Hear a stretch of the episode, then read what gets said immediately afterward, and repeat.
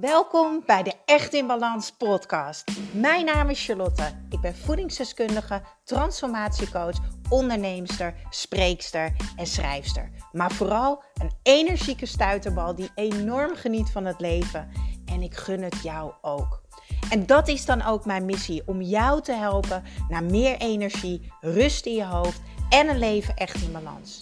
Ik neem je mee in mijn dagelijkse routines, mijn persoonlijke reis naar de echte ik en mijn ondernemersavontuur. Maak je klaar voor een dosis positieve energie. Ja, dan is het gewoon zover, jongens. Mijn allereerste podcast. En dat met mijn hoofd in het zonnetje aan de zaan in Wormerveer. Nou, wanneer ik deze podcast online ga delen op mijn social media, zal ik ook zeker even een foto delen hoe ik er nu bij zit. Want dit is toch intens genieten, jongens. Heerlijk. Dat stromende water, dat zonnetje op het toet, die blauwe lucht. Ik word hier zo blij van. En ik word er ook heel blij van als jij besloten hebt te gaan luisteren naar deze Echt in Balans podcast. En misschien ken je mij wel. Volg je me via social media op Charlie's Kitchen. Misschien heb je een van mijn programma's gedaan. Ehm, mijn dromen najagen programma. Echt in balans programma. Mijn business programma. Oh jongens, ik heb zoveel dingen gedaan. Ehm, maar misschien ben je hier voor het eerst. En dacht je, hé, hey, dat klinkt interessant, die Echt in Balans podcast. Laat ik daar even naar gaan luisteren. Ik dacht in de eerste podcast ja, dan hou ik het simpel. Ik denk, wanneer ik het voel, ga ik het doen. En ik zat hier aan het water en ik dacht, ja, nu is het moment. Het moment dat ik me wil voorstellen en ehm, ja, dat ik iets meer over mezelf wil vertellen. Nou, ik ben dus Charlotte, ik ben 32 en ik woon dus in Wormerveer. En ik heb een prachtig bedrijf, namelijk Charlie's Kitchen. Daar is het ooit allemaal begonnen. Charlie's Kitchen is mijn foodblog en uh, ik heb een onwijs leuke baan. Uh, dat ik elke dag mag doen en kan doen wat ik echt leuk vind. Het houdt in dat ik heerlijke recepten maak. Dat ik persoonlijke blogs deel vanaf mijn keukentafel. Uh, dat er recensies van kookboeken online komen. Leuke hotspots. En dat ik daardoor echt al onwijs veel toffe samenwerking heb gehad. Denk aan met Bertolli naar Toscane. Um, meisje van Verkade zijn geweest. Ja, ik heb zoveel toffe dingen mogen doen. En, um, maar dat is toch een paar jaar geleden een beetje fout gegaan. En daar is eigenlijk echt in balans ontstaan. En dat verhaal zou ik graag vandaag met je willen delen. Ik denk dat we ongeveer zo'n drie jaar teruggaan. Um, ja, drie jaar. En ik was tien jaar samen uh, met mijn ex. En wij gingen uit elkaar. En ik denk dat je je kan voorstellen als je tien jaar samen bent, dat er echt gewoon een deel van jou wegvalt. Het voelde ook echt alsof ik niet meer compleet was. Dat ik niet echt wist wie ik nou eigenlijk alleen was. Wie ik nou echt was.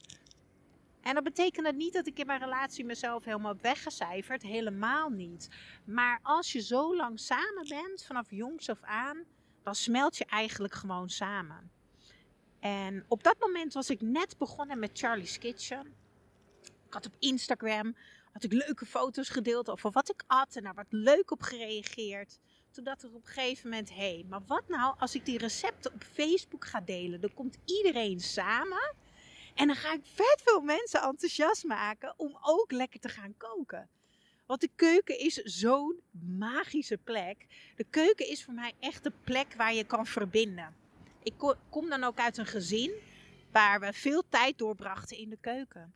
Mijn moeder houdt enorm van koken. Mijn ouders houden enorm van gezelligheid. Dat deden we door middel van koken, wijntjes drinken, leuke mensen over de vloer.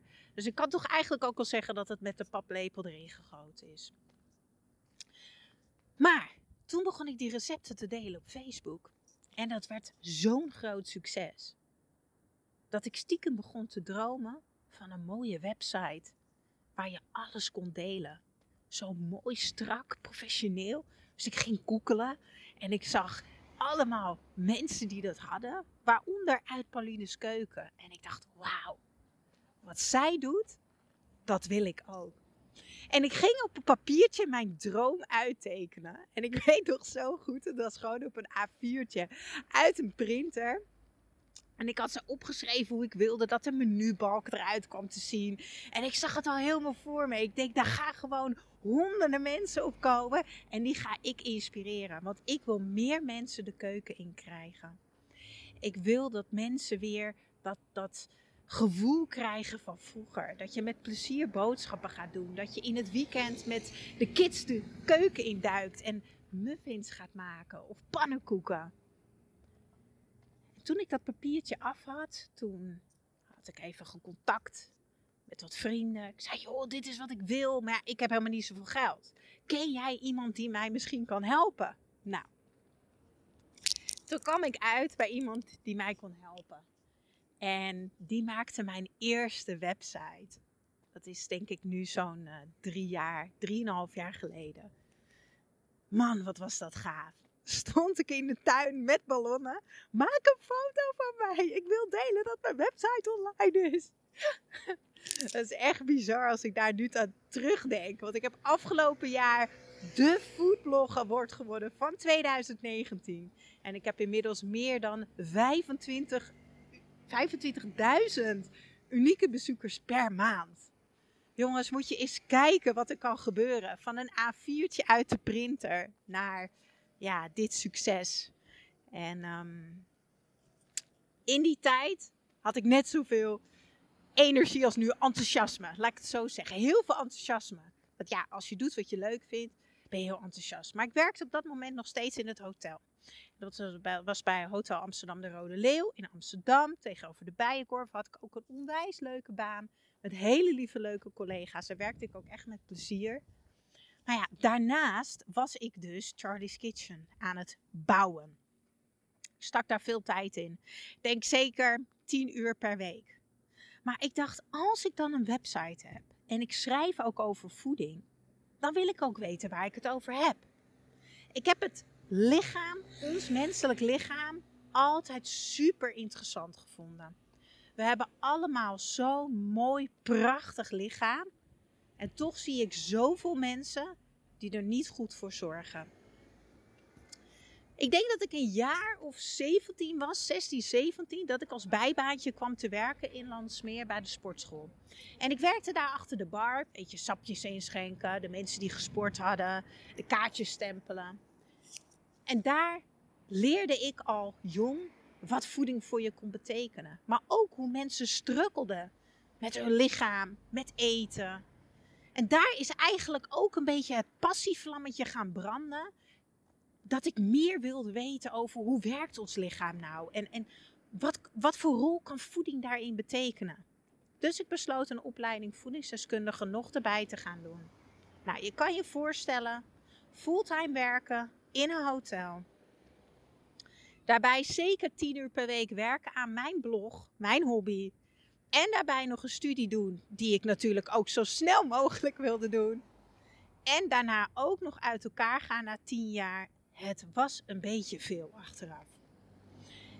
En toen ik dan ook uit elkaar ging met mijn ex en ik kwam bij mijn ouders te wonen weer, net voor mijn dertigste, toen kwam eigenlijk de grote klap. Ik voelde me zwaar mislukt. Ik wist niet meer wie ik was. Ik wist eigenlijk niet meer zo goed waar ik nou echt voor stond. Voelde echt alsof ik een deel van mezelf was verloren. Het is eigenlijk gewoon rouwen wat je doet. En dat is oké, dat mag.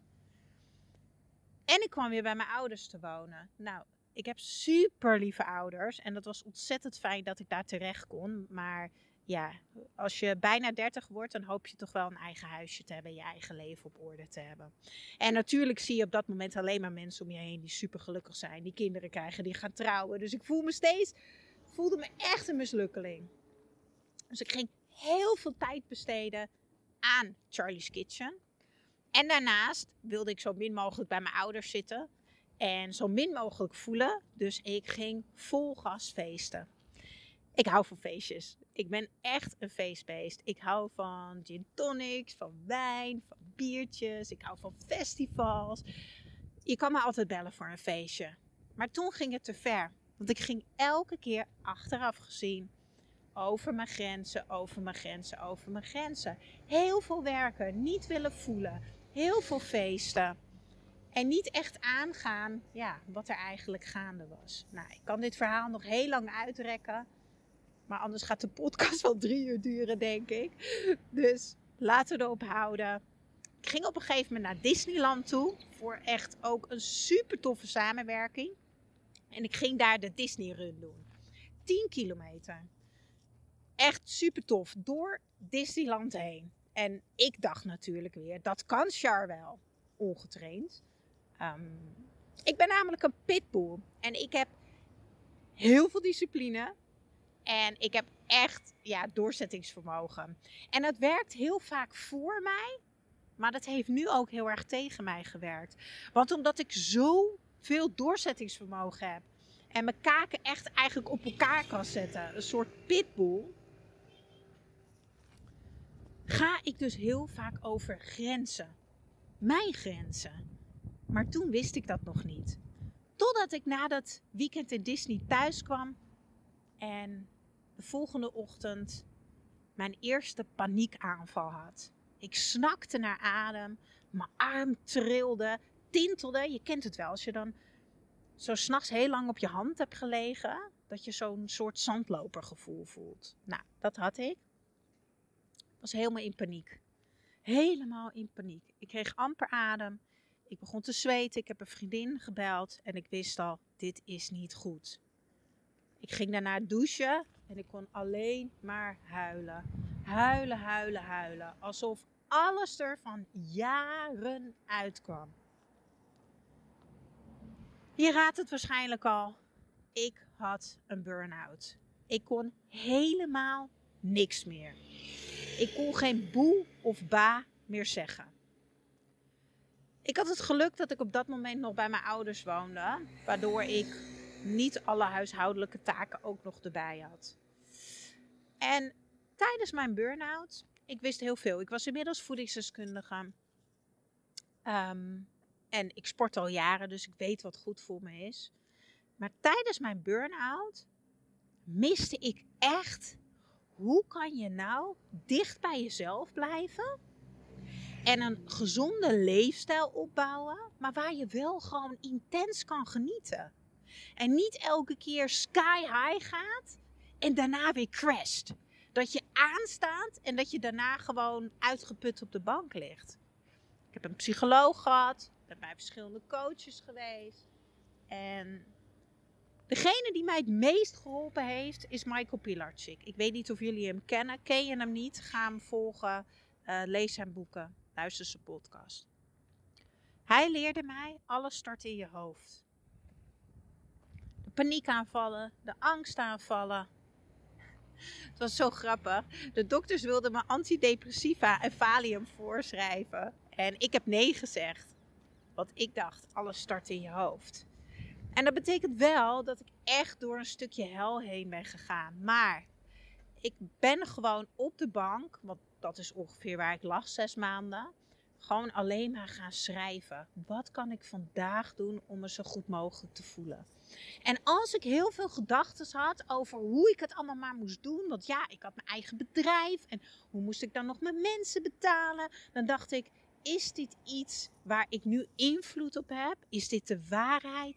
Is dit een feit? Nee, oké. Dan laat ik het los. En dat is een proces. Dat is een proces van oefenen, oefenen, oefenen en oefenen. Net zoals dat je een marathon gaat rennen. Je kan niet in één dag een marathon rennen. Daar heb je voor te trainen. En als je stopt met trainen, dan wordt die marathon daarna alleen maar zwaarder en dan red je het niet. Nou, zo werkt het ook met je hoofd. Blijven trainen. Blijven trainen aan positiviteit, in mogelijkheden denken, in oplossingen. Maar vooral naar het hier en nu gaan. Ik heb echt het gevoel dat ik van hak op de tak ga. Maar nogmaals, ik zit heerlijk aan het water hier in Wormenveer. En ik voelde echt gewoon, ik moet hem nu opnemen. Dus ik dacht, hup, microfoon aan, nul voorbereid. Let's go. Tijdens mijn burn-out, ik denk dat het ongeveer na zes maanden was, dat ik weer een beetje langzaam begon op te krabbelen. Een ommetje lopen, een keer een uurtje werken, een keertje sporten, een keer ergens naartoe. Maar ik bleef bij dat punt. Ik dacht, hoe kan het dat ik bij de dokter ben geweest? Bij coaches, bij een burn-out coach. Daar ben ik gewoon geweest bij een psycholoog. En dat niemand mij vertelt wat ik voor mijn lichaam kan doen, zodat het optimaal gaat functioneren. Dat ik mijn lichaam echt ga geven wat het echt nodig heeft. Ik weet dat. Ik ben voedingsdeskundige. Ik ben een cursus orthomoleculair deskundige gaan volgen. Duurde, ik geloof, 20 weken. Maakt verder ook niet uit. Maar ik kreeg daar energie van. Ik werd daar blij van, want ik wilde meer weten.